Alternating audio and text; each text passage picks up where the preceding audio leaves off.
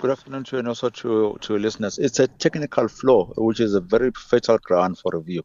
You, you can't allow a system in which you're going to be presented with one side without allowing the other side to send any objections or to be present. Because at the end of the day, that's not how our legal system or, or even a quasi judicial system should operate. So, what the chairperson has done, he has basically taken these proceedings away and has caused them to be declared invalid or, or not, not lawful at the end of the day. If this matter were to go to court, there would be absolutely no way of being able to save this unless if you are going to say whatever that they are being presented with as parliamentarians should not be regarded or should be taken away or even removed from the record. It's as if it has never happened.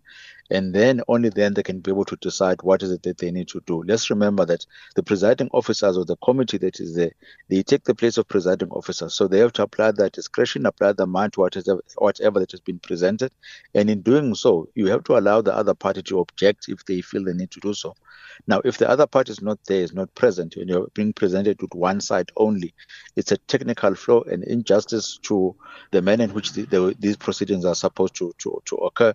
And I think there's no law in South Africa that would allow and even certify that those proceedings were were just. So, in terms of what the committee may argue, uh, could they perhaps say that uh, this was not necessarily a continuation of the actual process uh, that involved uh, the suspended public protector's legal team? Is that an argument that they can make at this stage? Not at all, because what you are then doing, you are, de- you are dealing with the evidence. The minute evidence is being provided, there's a level of persuasion in which the speaker is doing to the to the committee members. Then you should afford the public protector the opportunity to say, yes, I know that point is against me. I'm going to allow it. However, in, in instances or in points in which I'm not going to be present to be able to dispute or let or at a later stage be able to argue, you can't continue with that process. So it can't be provided in a piecemeal approach where we are going to say, let's hear the evidence from the evidence leaders at a later stage. Let's then hear the evidence from Advocate Mkhwebane. It, it doesn't work like that.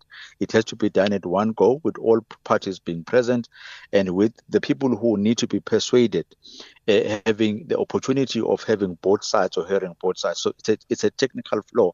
It, can, it, it, it, can't, it can't be allowed. Mr. Zikalala, we have about 30 seconds. How do you foresee the conclusion of this inquiry? Uh, is there a possibility of, say, a settlement perhaps? Or, um, you know, w- what's going to happen given that uh, the uh, suspended public protector does not have the funds to engage a legal team? There may be a settlement, but uh, the, with the manner in which, especially the chairperson, has been behaving, I don't think that a settlement would be something that is going to come unless the committee members are advised that, you know, the best way thing to do would be let's take this as a learning exercise. It's the first time in which we've done this in South Africa. Let's let's say in future this this is how the ass- assessments are going to, to be. But if you do continue with this manner as it is now and you're not able to complete it, it means that the job that you're given by the speaker has not been completed. If the public protector goes to court, certainly she's going to win on it. Well, thanks so much for your analysis there, legal uh, analyst Mpumelelo Zikalala, on what's happening in that Section 194 committee in Parliament.